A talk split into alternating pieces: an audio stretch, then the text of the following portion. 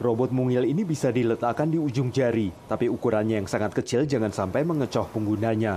Robot yang disebut Millimobil ini lebih mandiri dibanding kebanyakan robot lebih besar, menurut pembuatnya. There are photodiodes, which are little sensors that can detect light on each of the corners.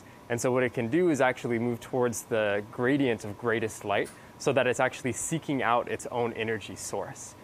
Pada dasarnya, robot ini bisa berjalan selamanya dengan memanfaatkan energi sekitar seperti cahaya atau gelombang radio tanpa baterai yang berkontribusi pada limbah elektronik.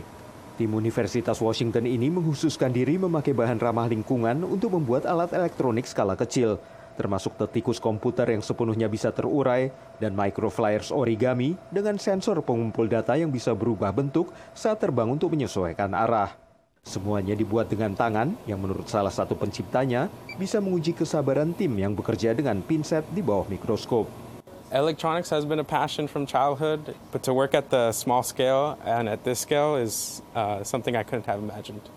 We have all the equipment to make our prototypes here in house, um, including things like this laser micromachining system that we use to build circuits and the microscopes and soldering tools that we use to assemble them.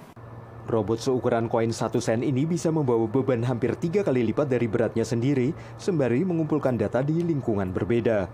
Mitra pembuatnya menjelaskan rencana mereka.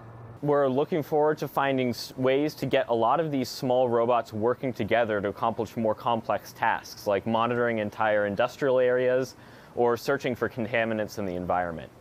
Tim peneliti dari Universitas Washington ini berharap dapat menerapkan teknologi gerak tanpa baterai yang sama pada perangkat medis dan juga untuk eksplorasi antariksa. Dari Arlington, Virginia, saya Helmi Yohanes dan tim VOA.